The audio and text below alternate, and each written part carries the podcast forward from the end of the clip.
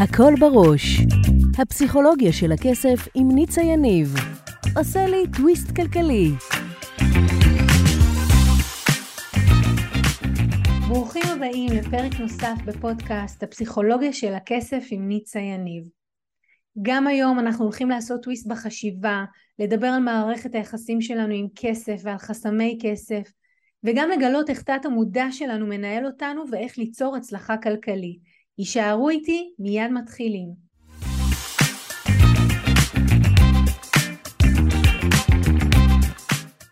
ברוכים הבאים לתוכנית נוספת של הכל בראש. גם הפעם נדבר, כמו בכל פעם שאנחנו נפגשים, על איך הראש שלנו חושב, על כל מה שקשור לכסף, איך התודעה שלנו מבינה ותת המודע שלנו תופס כסף.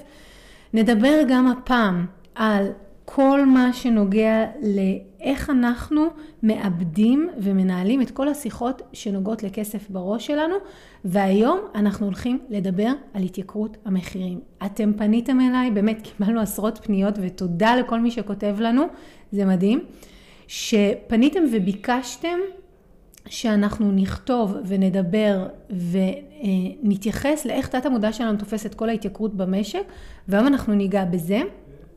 אנחנו גם נדבר על מה קורה בתוך הראש שלנו כשאנחנו שומעים עליית מחירים, כשמודיעים לנו שיש עליית מחירים ועליית המחירים נמשכת לאורך זמן, וגם אחת השאלות שחזרה ממש מכם זה, ניצה, איך אני יכול לשמור על תודעת שפע, על חשיבה חיובית, כשלאורך זמן אני רואה שזה הולך ומתמשך ושהמחירים רק עולים, ו...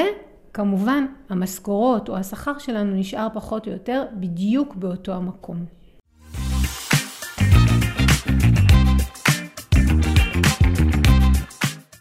אז אם לא הספיקה עליית הקורונה, אז הגיעו, הגיע גל של עליות מחירים, שהעמיד את כולנו במצב חדש. בפועל המחירים עולים. קודם כל אני רוצה להסביר בממש במשפט אחד מה זה התייקרות.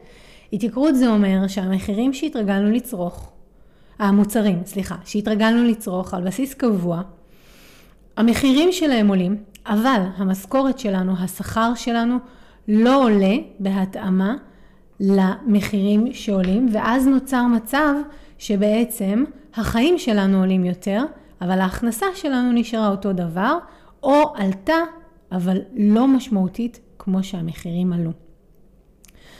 והתהליך הזה, שאנחנו עדים לו כבר, אה, זה כבר לא זמן קצר, לוחץ לנו על כל טריגר אפשרי. קודם כל ברמת הסופר, הרבה, אה, הרבה סופרים, אה, רשתות, זאת המילה, הרבה רשתות הגיעו למצב שבגלל שהם לא רצו להעלות את המחירים, הם החרימו כל מיני, אה, הם החרימו ולא מאפשרים היום, אתה לא יכול למצוא את כל המוצרים שהתרגלנו לצרוך, ואז נוצר מצב שאנחנו כצרכנים, לא רק שהמחירים עלו, לא רק שיותר יקר לנו לחיות ואנחנו חיים, גם ככה חווים איזשהו חנק או כזה, זה סוגר עליך מכל הכיוונים, אתה הולך לסופר, והמוצרים שהיית רגיל לצרוך, אתה כבר לא יכול לצרוך אותם, כי הסופרים מחרימים את החברות שמוכרות אותם, או עושים להם כזה...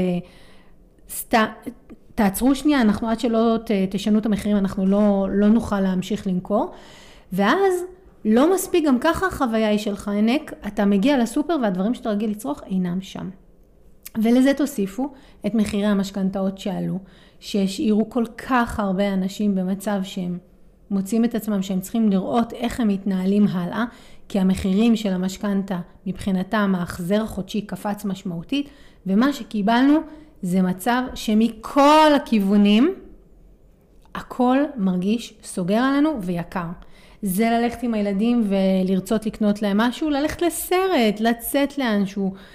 אותה קנייה שהיינו רגילים לעשות, פתאום עולה יותר, וזה ממש סוגר. אז אני רוצה רגע לדבר באמת על מה אנחנו, מה תת המודע שלנו, איך תת המודע שלנו מפרש את זה, איך תת המודע שלנו חווה את זה, ואז מה קורה בתוך הראש שלנו, ובסוף גם כמובן אני אתן פתרונות לאיך להת... להתמודד, להתנהל עם כל המצב הזה. אז בואו נבין דבר כזה. אנחנו, כשאנחנו הולכים לסופר, ממש כתבתי את זה, הרעת תנאים, צמצום והגבלה, זה הדברים שאנחנו חווים. כי מה קורה? עבור אותו סכום אנחנו יכולים היום לקנות פחות. בוא נגיד ככה, בעולם של אה, אה, דיני, כל מה שקשור לדיני מעסיק ועוסק, זה נקרא הרעת תנאים. כי היום אני רוצה לקנות משהו, זה עולה לי יותר. ואז המקום הזה שאנחנו חווים הרעת תנאים, ובמקביל אמרתי הולכים לסופר והדברים שרצינו לא שם, יוצר אצלנו תחושת צמצום והגבלה ותחושה שאנחנו נדפקים, שאין לנו מספיק, שמה שהיינו רגילים לו לא נמצא. ובעצם, בלי שאנחנו מבינים, אנחנו יוצאים לעולם, ולא מספיק גם ככה זה יקר, מתחילה להתנהל בתוך הראש שלנו. בעצם מתנהלות כמה שיחות במקביל, אני רגע אאחד את כולם לשיחה אחת, שבסוף השורה התחתונה שלה אני רגע אקפוץ לסוף, זה חסר. בואו נבין למה. דבר ראשון, אנחנו מסתכלים על המציאות ואנחנו אומרים, אוקיי, אם היה לי עניין עם ערך עצמי שלי, כבן אדם, שאני לא מרוויח כמו שאני רוצה, שבגיל הזה, בשלב הזה בחיים שלי הייתי אמור כבר להיות במקום אחר מבחינה כלכלית, מגיעה ההתייקרות הזאת, ואז הערך העצמי, הכאב של הערך העצמי נלחץ עוד יותר. כי עד עכשיו מה שהייתי רגיל לצרוך ולקנות, אני לא יכולה לקנות את זה, אז עכשיו עוד פחות אני מרגיש שמי שאני, כמה שאני יכול לפרנס, לכלכל את המשפחה, עוד יורד. אז זאת שיחה אחת שמתנהלת. שיחה שנייה, אני אקרא לה חרדה. אף אחד לא יודע להגיד בוודאות מתי העלייה הזאת תיפסק. אז כל דבר, זה בדיוק כמו הקורונה, כן? זה לא סתם ששני הגלים האלה נצמדים יחד. בקורונה, אם כולם היו אומרים לנו, תקשיבי, בראשון לראשון 22 זה ייגמר. אז כולם היו אומרים, אוקיי, מגעיל, לא בא לי על זה, אבל אני יודע, יש לי דדליין שאחריו זה ייגמר והחיים יחזרו להיות מה שהם היו. למרות שכבר באיזושהי נקודה בזמן הבנו שהחיים לא יחזרו להיות מה שהם היו. אבל פה יש לנו עליית מחירים, שאף אחד לא יכול להבטיח לנו מתי תסתיים, או מה יהיה המצב, או איזה השלכות יהיו לזה, וזה שם אותנו בחרדה. שיחה שלישית שמתקיימת לנו בתוך הראש אומרת את הדבר הבא. אנחנו כעם, אני בסדר כאזרח, אני עושה מה שצריך, אני משתדל כמיטב יכולתי. למה הממשלה במרכאות היא כמו ההורים שלנו, לא דואגת שאנחנו נהיה בסדר. למה הם לא עושים את הפעולות שנדרשות? ומתחיל איזשהו מרמור פנימי סביב הממסד. עכשיו בואו נהיה אמיתיים. האזרח הפשוט בכל מדינה בעולם, תמיד יהיו לו, אה, נקרא לזה התנגדויות או השגות לגבי התפקוד של הממשל שלו. אז עכשיו זה מתגבר וזה ביתר שאת וזה יוצר איזשהו מרמור ואפילו איזושהי בעירה פנימית. ויש עוד שיחה נוספת שמתקיימת, והשיחה הזאת אומרת, אוקיי, אז עכשיו זה המצב, מה זה אומר על הילדים שלי? מה אני יכול להשאיר להם? תקשיבו, אחת השיחות שאני אדע להם והיא ממש חזקה ואני שומעת אותה כל הזמן מהלקוחות שלי בשנים האחרונות היא, מילא אני, אבל מה יהיה עם הילדים שלנו? איך הילדים שלנו יקנו בתים? ותמיד גם אומרים לי, כן, בסוף כולם מסתדרים, אבל עדיין איך הילדים שלנו יקנו בתים? וזאת שיחה ש... כי תראו, בסוף כולנו על עצמנו אנחנו יכולים, לא יודעת אם לוותר, אבל זה בסדר לנו שיכאב לנו, זה בסדר לנו שיהיה כבד לנו או קשה, אבל כשזה נוגע לילדים שלנו, זה הבטן הרכה שלנו, שם אנחנו כבר נעמדים על הרגליים האחוריות, והמצב בשנה האחרונה מביא את כולם, הוא מביא קדימה את השיחה של לאן אנחנו הולכים. לאן הולכים מכאן? לאן הולכים הילדים שלנו? איך הם יקנו בתים? כמה זה סביר שזה יקרה? אז כל השיחות האלה, אומרות לתת המודע, תשמע, אתה נותן את החלק שלך, אתה אזרח טוב, אתה אבא טוב, אתה הורה טוב, אתה גם עובד טוב, אתה עושה את העבודה שלך. אבל היום, בשביל אותו הדבר שאתה נותן ונתת עד עכשיו, אתה מקבל פחות. אתה יכול לקנות פחות, אתה יכול, תחיה פחות ברווחה, ומתחיל מבפנים ממש מצב של קונפליקט אם הייתי רגע משווה את זה לגיל ההתבגרות, אז זה מצב של, אה, אתם יודעים מה? לא בא לי. לא בא לי לשחק איתכם, לא בא לי להיות חבר, אתם מעצבנים אותי, לא בא לי. זה כזה, זה ב vibe מתריס. וה vibe הזה הוא ה vibe הכי גרוע, הכי גרוע שאנחנו יכולים להיכנס אליו. אני אסביר במקטע הבא יותר למה, אבל בין היתר כי הוא גורם לנו להיות בתחושת הישרדות, הוא גורם לנו להיות בתחושת התרסה, הוא גורם לנו להיות בתחושה של אה, בא לי להוציא לאוויר, לשרוף את העולם ולא אכפת לי משום דבר ושום, ואף אחד. והוא בין ה vibe הזה גם מדי פעם מגיח איזה vibe של אה, קורבניות, מה יהיה, עד מתי זה יימשך, אני לא יכול יותר. עכשיו, אני לא אומרת את זה ב... זה לא שיפוט, אני ממש רוצה לתאר לכם מה קורה בתת המודע שלכם עם כל עליית המחירים הזו, כדי שאתם תוכלו לנהל את זה ולא זה ינהל אתכם. כי בסוף זה מה שקורה בראש של כל אחד ואחד מאיתנו בתקופה, בשנתיים האחרונות מאז שהתחילה העלייה, ועוד זה היה צמוד לקורונה. עכשיו על זה תוסיפו חיים, הילדים, חיים, אה, אתגרים, ומדי פעם כשאתה מקשיב לרדיו ולטלוויזיה, אתה מבין שזה עלה, או לפעמים זה תופס אותך כזה במשהו שלא, שלא האמנת, לא יודעת, אתה הולך לקנות מתנה ואתה אומר, מה, זה מה שעולה, כאילו עד היום קניתי את זה וזה לא היה ככה. מוצר שהרבה זמן לא קנית, שפתאום אתה קונה ואתה זוכר את המחיר. אתה אומר, מה? איך? איך זה נהיה המחיר הזה? וזה ממש ברגע אחד יוצר לך איזה, אני קוראת לזה, אתה, זה מתהפך לך בתוך הראש ואתה אומר, וואו, זה, קורה פה משהו גדול ו, וזה לא בידיים שלי. ובסוף, התחושה היא של חוסר אונים. חוסר אונים, בראש ובראשונה כאן לא יודע מתי זה ייגמר, אף אחד לא יודע מתי זה ייגמר, יש ספקולציות, יש הנחות, יש השערות, יש כזה. זה יוצר תחושה של אוזלת יד, זה יוצר תחושה של תסכול. שלושת הדברים האלה, תחושה של תסכול, אוזלת יד וחוסר אונים, ת, ת, בין לבין תפזרו, כמו שאומרים, כמו שאומרים בת, במתכון, תפזרו קצת קורבניות ותפזרו קצת, באמת, זה כל הרגשות שאנחנו מרגישים, אז אתה אומר, וואו, גדול עליי, אני לא יודע מה לעשות עם זה, אני לא יכול יותר. ואז תת המודע שלנו את כל הדברים האלה מחזיק בתוכנו, ואנחנו בעצם מתחילים לייצר שרשרת, שרשרת קודם כל של תחושות רעות. כי כל פעם שהמחשבה הזאת עולה, אז הרגשות שאמרתי נלחצים. זאת אומרת, הלכת לסופר, אני לוקחת את המוצר שלא קניתי הרבה זמן, רוצה לראות מה העלות שלו, קולטת שהמחיר עלה, או עושה קנייה לא כל כך גדולה, איך מישהי אמרה לי השבוע, עשיתי קנייה באמת לא קניתי כלום, לא בשרים, לא, בקטנה, ככה כמה דברים, הופ, 400 שקל. איפה נהיה לי 400 שקל? ההבנה הזאת, ההכרה הזו, אוטומטית לוחצת על הטריגר של אוזלת יד, חוסר אונים, קורבניות, תסכול, ואנחנו מתחילים לייצר שרשרת של רגשות שליליים. עכשיו תבינו מה קורה. אנחנו יוצאים לצורך העניין מהדוגמה מהסופר. אם במצב רגיל היינו יוצאים מהסופר, ובסדר, הבנו שזאת הקנייה, סביב ה-700, סביב ה-800, ממשיכים בחיים. עכשיו אנחנו כבר יצאנו מהסופר עם התחושות הקשות האלה. עכשיו אנחנו נכנסים לאוטו, קיבלנו גם איזה שיחת טלפון בנייד, לא מי יודע מה שיחת אה, טלפון מרוממת, עוד הרגש יורד.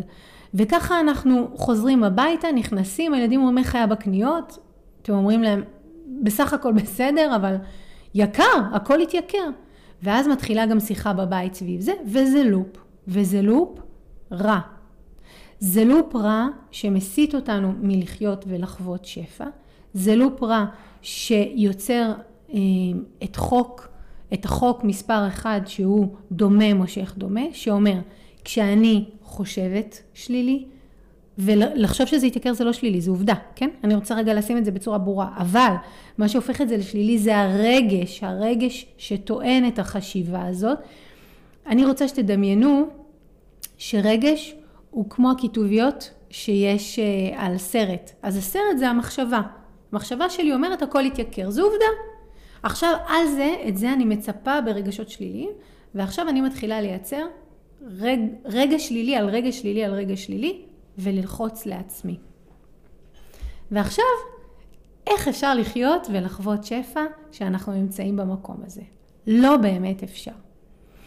אז החלק הזה באמת נגע רגע להבין, ורגע תישארו איתי, כן? אני לא מתכוונת להוריד, ואנחנו גם נפתור את זה וניתן מענה לכל, אבל אני רוצה לדבר את מה קורה בראש שלנו בתור התחלה, שנבין, שנבין מה קורה, כי תראו, אני רגע אקפוץ שנייה לפתרון. כשאני יוצאת מהסופר אם אני מבינה שזה מה שקרה לי עכשיו בסופר, מעצם זה שהבנתי שהמחירים התייקרו, ואם גם נכנסתי לאוטו ויש רדיו, וברדיו שוב מדברים על זה שהמחירים התייקרו, ויוקר המחיה ו- וכולי, אז זה עוד יותר נלחץ לי, וככה אנחנו כל היום במקום מאוד קשה ושלילי. אז כבר אם אני מבינה שזה מה שקורה, כבר אם אני מנהלת את זה כי אני מבינה מה קורה, אז אני ניגשת לגמרי אחרת לכל הדברים, ואנחנו נפרט את זה עוד בהמשך.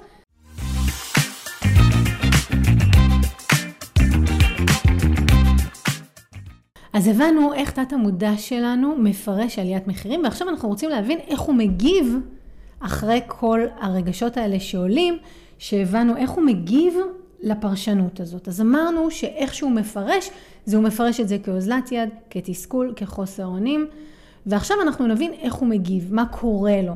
אז מה שקורה זה הדבר הבא, תת המודע שלנו מפעיל את מערכת הברח או יילחם שלנו. באנגלית קוראים לזה fright או flight, שזאת מערכת שהיא תגובה למצב שאנחנו מרגישים שאנחנו נמצאים במקום הישרדותי. כשאנחנו מרגישים במקום הישרדותי, המערכת הזאת מופעלת בתוכנו, ואנחנו מגיבים באחד משני המצבים, או שאנחנו בורחים, או שאנחנו נשארים, מתעקשים ונלחמים, ואני רוצה, רגע, תקשיבו לכל המקטע הזה ורגע תנסו למפות עם עצמכם איזה טיפוס אתם.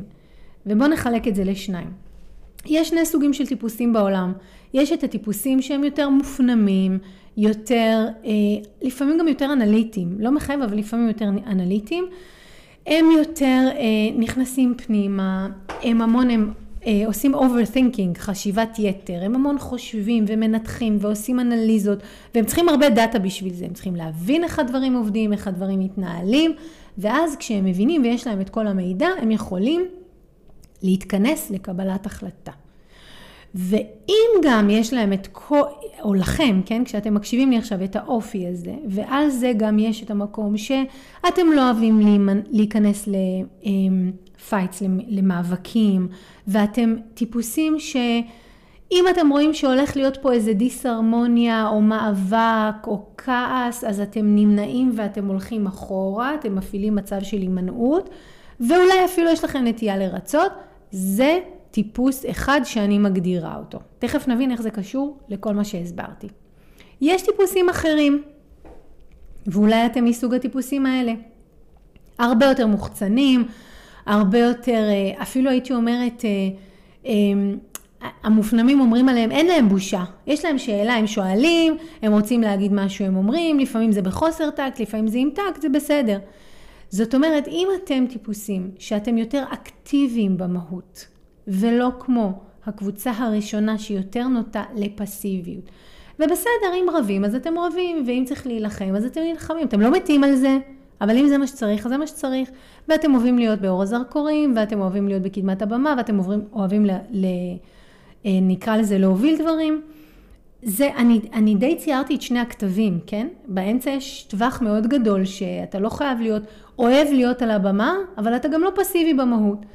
אז בעצם שרטטתי שתי קבוצות, ועכשיו רגע בואו נדבר על מה קורה כשהתת המודע שלנו מבין שיש עליית מחירים, ואיך זה קשור ל fight או flight.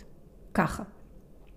תת המודע עכשיו הבין שהמחירים עולים, תת המודע הבין שאנחנו יכולים לקנות הרבה פחות באותו סכום כסף, הוא הפעיל את מערכת ההישרדות של ברח או הילחם, ועכשיו בתלות באיזה טיפוס אתם, איזה אישיות ואיזה אופי יש לכם, כך תבוא התגובה, נסביר. אם אתם הטיפוס היותר מופנם, אם אתם הטיפוס היותר פסיבי, אז אתם תבחרו בתגובה של ברח. לא יילחם, כי אתם לא הטיפוס האקטיבי שמוחצן ודוחף קדימה. מה זה אומר ברח? זה אומר, תת המודע הבין שהמצב הישרדותי, תת המודע הבין שקשה, הופעל המנגנון של ברח, וזוכרים שדיברנו על הטיפוס הפסיבי שיש לו יותר נטייה להימנע, איפה שיש עימות, איפה שיש קושי, איפה יש אתגר, איפה שיש דיסהרמוניה, הוא נמנע, לא בא לו. אז הם יעשו הימנעות. מה זה אומר? בואו נדבר רגע פרקטית בכסף מה זה אומר. זה אומר פחות להיכנס לחשבון הבנק. זה אומר, לא רוצה לשמוע איך הדברים עובדים, זה סתם גם לוחץ עליי. אה, זה אומר, זה יכול להיות אגב שני הכתבים, תכף אני אדבר על זה. זה אומר, אמ, אני מרגיש שיש פה איזשהו מאבק שמתחולל. אפילו תחשבו בין הרשתות בסופר, אני הולך לקנות את המוצרים שאני רוצה, הרשת לא מביאה חלק מהמוצרים שאני רגיל אליהם, ויש פה מאבק, כן? וכולם גם תוססים מסביב, ויש ביעבוע, תחושת ביעבוע, רק תנו לי לא להיכנס לפינה הזו. מהצד השני של אותו טיפוס, אותו אופי, בגלל שהוא אנליטי, בגלל שהוא ייתה לדאטה ולנתונים, אז יכולה להיות דאגה, דאגת יתר. מה יהיה, מה יהיה, מה יהיה, מה יהיה, מה יהיה, מה יהיה, מתי זה ייגמר, אני לא יודע, כי הטיפוסים האלה הם צריכים יותר חוויית ביטחון, ואז יש גם ממש, אה, זה יכול לגלוש ממש לחרדה, לחרדתיות, לפחד, ממש פחד אמיתי, וגם זה יביא לעוד יותר צמצום. למה? כי הטיפוסים האלה שהם יותר נוטים לאנליטיות, אני עושה כאן איזושהי הגדרה מאוד כללית, סליחה מראש עם מי שזה לא יושב לו במאה אחוז, אבל כן חייבים איכשהו להגדיר את הדברים. ואז הוא אומר, אוקיי, מי יודע מתי זה ייגמר, מי יודע אם יהיה לי, מי יודע מה יהיה המצב, מי יודע מי יודע, ואז הוא עוד יותר מצטמצם, מנסה להבין איך הוא מצטמצם עם ההוצאות, אבל החוויה היא של חנק, וזה הכל יושב על הברח. הטיפוסים מהסוג השני, שתת המודע שלהם מבין שהמחירים עלו, נכנס למצב הישרדותי, לא יעשו ברח, הם יעשו להילחם. למה?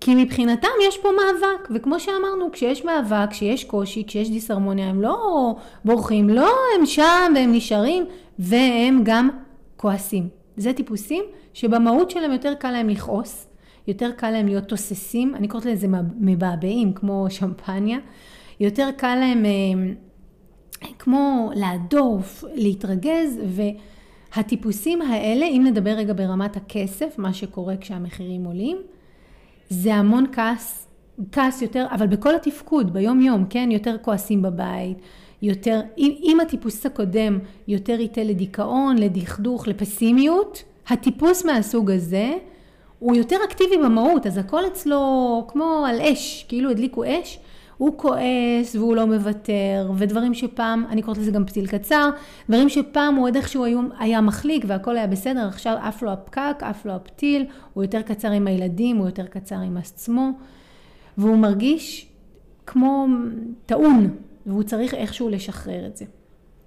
ואז שני הטיפוסים האלה, וכן כל אחד עכשיו שהקשיב לי, שינסה למקם את עצמו על הסקאלה הזאת, ואז גם יבין אם הוא עושה יותר ברח או עושה יותר יילחם. כי הטיפוסים שיותר קשה להם עם ה... שהם יותר מצד אחד גם אוהבים את הדאטה, גם אוהבים לנתח, אבל גם הם פחות אוהבים עימותים, אז הם יגידו, אוקיי, זה לא בשליטתי, אני אתכנס יותר לעצמי, והם יעשו אחד משני הדברים, או שהם באמת יברחו גם ברמת הלהבין מה קורה בבנק, להבין מה קורה עם המשכנתה, להבין איך זה יסתדר, והם כמו יוציאו שנורקל ויחכו עד יעבור זעם. ומצד שני יש את הטיפוסים מאותה קבוצה שיגידו לא, אני רוצה להחזיר לעצמי שליטה על ידי להבין את כל הפרטים הקטנים, לסגור את כל הפינות, להבין מה יש, לטפל בכל מה שיש כדי להחזיר לעצמי חוויית שליטה ולהרגיש שאני בטוב. והטיפוסים השניים יפעלו לגמרי אחרת. אה, תהיה שם יותר נטייה אפילו להתעמת, לריב עם הגופים השונים, להילחם, לכעוס, כי הם מוציאים תסכול בצורה אחרת. והם מתנהלים מול חוסר שליטה, או מול שלושת הרגשות שציינו, זוכרים? תסכול, אוזלת יד ותחושת אה, חוסר אונים, הם מתמודדים עם זה אחרת, הם יותר אקטיביים. אז הם יעשו fight, וב fight הזה שהם יעשו, הם ימצאו את הדרכים שלהם להילחם.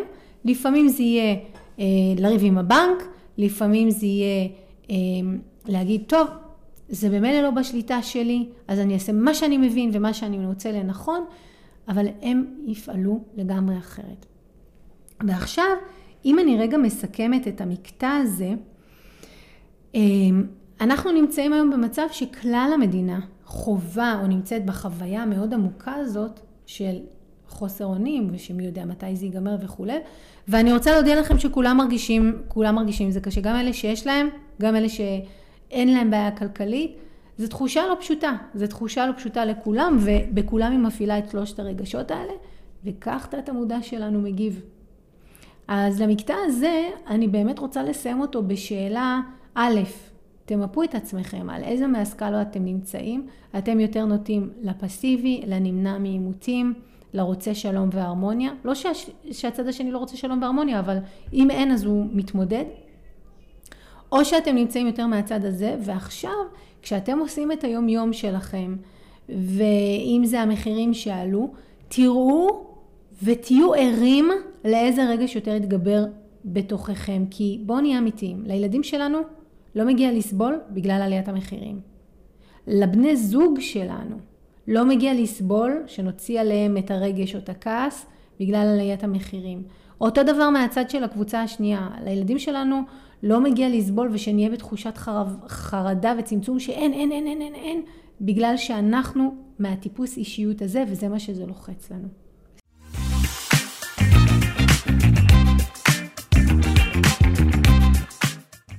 אז אה, אחת השאלות שאני נשאלת הכי הרבה בתקופה האחרונה היא, איך אני נמצאת במצב של להתמודד עם יוקר המחיה בלי ליפול לתחושה של הישרדות. מזה התחיל כל השידור הזה. ואחרי שהבנו בחלק הראשון איך תת המודע שלנו מפרש את זה, ובחלק השני איך הוא מגיב לזה, ואחרי שמיפינו מי אנחנו ואיזה טיפוס אנחנו ולמה אנחנו יותר נוטים, אנחנו הולכים לדבר פתרונות. אז קודם כל, לפני שאני נוגעת במה לעשות ואיך לעשות, אני רוצה להגיד אקסיומה אחת גורפת שמתחתיה יישב הכל, והיא, אנחנו לא באים לתקן את המצב כי אי אפשר, זה ברמת המדינה, אנחנו באים להבין, קודם כל שזה מצב זמני, ואיך אנחנו בתקופה הזאת עוברים את התקופה הזאת בצורה הטובה ביותר. מה הכוונה? תתארו לכם שפיטרו אתכם מהעבודה ואמרו לכם שפוטרתם בראשון במרץ, אבל אתם תתחילו עבודה חדשה בראשון ביוני. אז אתם אומרים, באסה, אבל לפחות אני יודעת שמהראשון ליוני אני חוזרת לשגרה, מה אני עושה כדי לעבור עד הראשון ביוני ולהפיק את המקסימום מהתקופה הזאת. אני רוצה שאתם תיגשו להתמודדות עם התקופה הזו של עליית המחירים בדיוק באותו האופן, כי באמת זה עניין של זמן כמו הקורונה, כמו זה, שהדברים, הם לא ייפתרו, הם לא ייפתרו, אבל כי כבר ייווצר איזשהו אפקט שדבר, כמו אפקט דומינו, כן? דבר ישפיע על דבר, אבל מתי שהוא אנחנו נגיע לאיזשהו איזון. גם המדינה תפסיק לעלות, גם המחירים יפסיקו לעלות וגם נגיע לאיזשהו בלנס. המדינה תרצה לעצור את המצב ולייצר איזושהי תחושה של איזון. אז אנחנו בעצם צריכים לשאול את עצמנו רק שאלה אחת, איך אני עובר, עוברת את התקופה הזאת במינימום הישרדות שאני יכולה, כדי שכשאני אצא ממנה והשפע יחזור, אני אוכל להתאזן. אני רוצה עכשיו ממש לצמצם נזקים בתקופה הזו. אם הדגישה שלנו ואיך שאנחנו נבוא לזה יהיה מכאן, כבר הדברים ייראו אחרת. בוודאות עושה את זה כבר מעל 15 שנה עם לקוחות, אני אומרת לכם, זה עובד. רגע, אני רוצה לתת לכם עוד שתי אה, נקודות ייחוס לשיחה הזו. אחת, הריון. נשים יודעות שבסוף ההריון, בסדר, נכון, הייתה לידה, נכון, אחר כך יש עוד משקל עודף, שזה גם מה שיקרה אחרי שהמדינה תתאזן, יהיה לנו, אה, חלק יהיו להם הלוואות עודפות, כל מיני דברים שהם צברו בדרך, אבל הן יודעות שאם אחרי שההיריון נגמר, התינוק, תינוקת יוצאים, הן יכולות לאט לאט לחזור לעצמם, כך גם פה. אבל הן רק צריכות לעבור את תקופת ההיריון. אין מה לעשות, צריך לעבור את התקופה הזאת. אוקיי? אז זו דוגמה שאני רוצה לתת, שתיקחו אותה בראש שלכם לצורך זה. ואפילו הקורונה, שנראתה הרת אה, גורל ובלתי נסבלת ואי אפשר לעבור אותה, גם היא הסתיימה וחזרנו לאיזושהי שגרה. נכון, זה לא יהיה כמו שזה היה לפני, אבל חזרנו לשגרה איזושהי, ולא רע בכלל. ולכן, אני אומרת, קחו את זה שצריך לעבור את התקופה הזאת כמשהו שהוא באמת המשימה. המשימה היא לא לפתור את זה, לא לחיות עכשיו בתודעת שפע. אנשים אומרים לי, אני אומרת להם, איך? איך תחיו עכשיו בתודעת שפע? אתם חווים כל הזמן חוויה של הישרדות. לא, רק לעבור את התקופה הזו במינימום פגעים, במינימום נזקים ובחיוב של זה. אז זה אחד. הדבר הראשון שאני רוצה להגיד זה שכולם ללא יוצא מן הכלל, עשירים, עניים, כולם חווים איזושהי תחושה לא פשוטה. כי גם העשירים שיש להם עסקים חווים את זה, הם חווים את זה דרך העסק, הם חווים את זה דרך הלקוחות שלהם, אז כולנו בתוך זה, אז זה לא אה, צרת רבים אה, נחמה טיפשים, לא, זה לא משם אני אומרת את זה, זה מהמקום של להבין שזה נוגע בכולנו ללא יוצא מן הכלל, ולכן אנחנו רוצים לעבור את התקופה הזאת הכי טוב שאפשר, אוקיי? אז בואו נראה מה עושים. דבר ראשון שאני מזמינה אתכם לעשות, ממש ככה ציינתי לי, זה ת, תמננו, מלשון שימו מינון, לכמה אתם שומעים חדשות. כמה אתם אה, מקבלים אינפורמציה. מספיק לדעת פעם ביום מה המצב. לא צריך להתעדכן כל שעה. מותר לכם לכבות את החדשות, אם זו כבר פעם שלישית היום שיוצא לכם לשמוע חדשות, תאמינו לי, היום גם שומעים לפעמים ב-6 חדשות 12, זה אותו מידע. כשאנחנו שומעים, כשתת המודע שלנו שוב ושוב שומע, המחירים עלו, המצב קשה, המשק במיתון, המחירים עלו, זה, תחשבו שהראש שלכם הוא כמו תקליט. זה צורב לכם ממש מסילות בתוך התקליט הזה, זה לא לטובתנו. אז למנן, בסדר? דבר שני, זה הנושא של תקשורת עם חברים ומשפחה. אני רואה, גם שומעת מלקוחות, שבתקופה האחרונה יש יותר ויותר נטייה לשיח על המצב, וזה טבעי. עכשיו, זוכרים את הטיפוסים היותר אקטיביים, שהם יותר מתמרמרים, והם יכולים, יכולים באקסטרים שלהם להתמרמר, לכעוס, לבעבע, אז כשנפגשים למאורעות חברתיים, הם הרבה פעמים, הם אלה שבמרכז ויובילו את השיחה, והם יכולים להוביל קו מאוד של המצב זה והמדינה ולהתלהם. אז ברמה האישית שלכם מול חברים מהסוג הזה, שאתם יכולים לאהוב אותם אהבה גדולה, להגיד להם תקשיבו, זה סתם לוחץ לי, לא בא לי לדבר על תקופה. חברים שלא מספיק דברים לדבר עליהם, לא, לא, לא רוצה לדבר על זה, מותר. במצב שזה בקבוצה, אתם לא חייבים להישאר להקשיב. לא חייבים. אפשר להגיד שזה לא מתאים, ולעצמכם, כן? ולקום רגע למטבח לפטפט עם כזה או, או מישהו אחר, לחכות עד שהשיחה תתחלף, כי השיחה לא תישאר שם לתמיד והיא לא. עכשיו, אני ממש ממש מתעקשת על שני הסעיפים האלה, כי הם ממש ממש חשובים, ואני רוצה להגיד פה משהו. כמו שאתם לא תאכלו כל דבר שמגישים לכם בצלחת, כי אתם מכבדים את הגוף שלכם, תדעו ששיחות וידע ומידע הם הזנה לראש שלנו, למנטלי. אז כמו שאתם לא תאכלו כל מה ששמו לכם על הצלחת, אל תקשיבו לכל מה שמגישים לכם. זה שמישהו בישל את זה והכין את זה ורוצה לסיים את מה שיש בסיר כי לא בא לו להיתקע עם האוכל למחר, לא אומר שזה צריך להיות אצלכם בבטן, נכון? יופי. אז גם זה שמישהו רוצה נורא לשתף אתכם בתחושות הקשות שלו, לא אומר שאתם חייבים להכיל את זה, נקודה. אוקיי? זה מאוד חשוב. אם אתם מקדשים את הגוף שלכם, אין שום סיבה שלא תקדשו את הראש שלכם ואת מה שנכנס לתת המודע שלכם, כי הוא בסופו של דבר מנהל את קבלת ההחלטות שלנו, אוקיי? אז זה דבר נוסף. דבר נוסף שכתבתי זה אמ, סופר, וואו, תקשיבו, אמרתי לכם שכרגע בסופר יש מצב שיש הרבה אה, מצרכים די בסיסיים שחסרים, כי הרשתות החליטו שהן לא משתפות פעולה עם העלאת מחירים. אז מה שקורה כשאנחנו נכנסים לסופר ובא לנו את הקורנפלקס שאנחנו רוצים וכולי, זה שהגוף נכנס למגננה. ה mind שלנו נכנס למגננה, למועקה. כי בעצם, תחשבו עלינו כבני אנוש. כשרע לנו, כשקשה לנו, מה נותן לנו ביטחון? המוכר והידוע. ואיזה אחד מהדברים הוא הכי מוכר וידוע? אוכל. אוכל, בטח אוכל בסיסי. אז כשאני הולכת למצוא את האוכל הבסיסי שלי והוא לא נמצא על המדף, יכולתם אה, אולי לחוות את זה בתקופה שלא היו שוקולדים אה, כמו שכולנו היינו רגילים על המדפים, בגלל אה, כל מה שהיה עם כל נושא השוקולד, אז אתה נכנס לחרדה. אתה רגיל למוצרים שאתה רגיל. עכשיו, אני יודעת שזה אולי לחלקכם יישמע מינורי, אני, אני רוצה להסביר לכם לוגית כמה זה לא מינורי וכמה זה מהותי. אם אני כאזרח לא באמת יכולה לש, לשלוט במיתון, אני לא יכולה לשלוט בעליית המחירים. מה הדבר היחיד שאני כן יכולה לשלוט בו? אני אענה לכם. מה אני אוכלת? מה אני שותה? מה אני עושה בזמן הפנוי שלי? אז גם כשאני הולכת לקנות את האוכל, אני לא יכולה לשלוט בזה כי אין את הדברים שאני רוצה, עוד יותר מחסור. אז ממש ממש חשוב להיות מאוד גמישים בראש, לא לבוא בבאס על המדף כשאין את הדברים, לבחור דברים ש... להתנסות, כמו לקחת את זה כמו משחק, טוב, אני אקח, אני אנסה, אני אתחיל להשתמש במוצר הזה, לראות את זה כמו הזדמנות לטעום, להיחשף למוצרים שבעבר לא הייתם צורכים אותם, להת... לשים רגע בצד את הבאסה ו- ו- ולראות איך אתם יכולים להפיק מזה את המקסימום, זה ממש ממש חשוב, בסדר? אז זה דבר נוסף.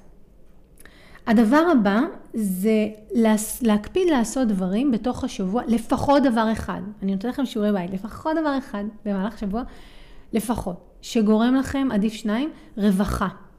אוקיי? כי בעצם בתקופה הזו אנחנו מרגישים מצומצמים, אנחנו מרגישים שאין לנו, אנחנו מרגישים פחות, אז באמת, מה יכול לגרום לכם להרגיש תחושת רווחה? אולי זה ללכת לים ולצעוד, אולי זה לשיר, אולי זה להיות יותר זמן עם הילדים, אולי.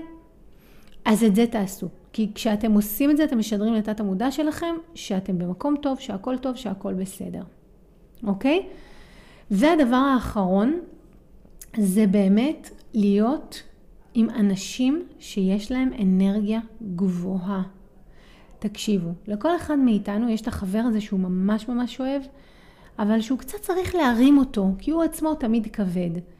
אם אתם יכולים בתקופה הזאת להוריד קצת את המינון שם בעדינות, כן? שזה לא יפגע בקשר, עדיף. תקיפו את עצמכם באנשים חיוביים, תקיפו את עצמכם באנשים באנרגיות טובות, תצאו לדברים, יש הרבה דברים שהם לא כל כך יקרים שאפשר לצאת אליהם, שיש בהם הרבה אנשים, שעושים בהם דברים כיפים, גם תצאו מחוץ לבית, קצת תראו מרחבים, שיפתח לכם את הלב, שיפתח לכם את, ה, את התחושה, את הנשמה, ואז שאתם עושים את זה, זה הרבה הרבה יותר פשוט. בסדר? זה ממש שם אתכם בתחושת רווחה ועושה לכם תחושה טובה ויאפשר לכם להישאר בתחושת השפע ולעבור את התקופה הזאת, אוקיי? אז אמ, וואו, אז היה לנו היום המון המון דברים. אמ, קיבלתם כאן היום המון ערך על איך אפשר לשמור על תחושת רווחה, גם בתקופה שיש עליית מחירים, שאנחנו חווים הישרדות, שיש לנו קושי. אני יכולה להגיד לכם שהדברים שאמרתי לכם הם פרקטיים, הם גדולים. בכוונה אני תמיד בוחרת דברים פשוטים, הם גדולים והם קלים ליישום, תיישמו אותם.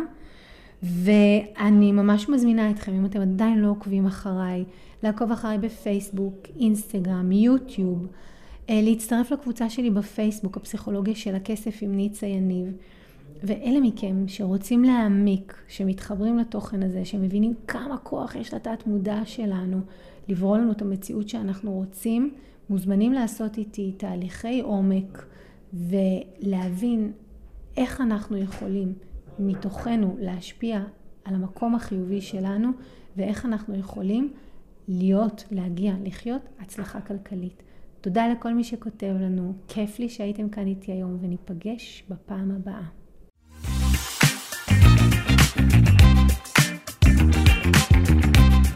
אם אהבתם את הפרק, שתפו אותי למה התחברתם, ממש מעניין אותי לשמוע. אם בא לכם ללמוד עוד על הפסיכולוגיה של הכסף, הנה המקומות שאתם יכולים להתחיל בהם. באתר nicayaniv.com תוכלו להזין לתוכנית הרדיו השבועית שלי שנקראת הכל בראש, וגם להצטרף לקבוצת הפייסבוק שלי, הפסיכולוגיה של הכסף עם ניצה יניב. אם אתם עדיין לא עוקבים אחריי בפייסבוק, באינסטגרם או ביוטיוב, זה בדיוק הזמן לעשות את זה. אלה מכם שרוצים להעמיק, אתם יכולים לפגוש אותי אחת לחודש במפגשים הקבוצתיים לאימון בלייב, או להצטרף לקורס המקיף לשחרור חסמי כסף. תמיד תזכרו, השינוי שלכם עם כסף מתחיל כאן, במקום שבו כסף ותודעה נפגשים. ניפגש בפרק הבא.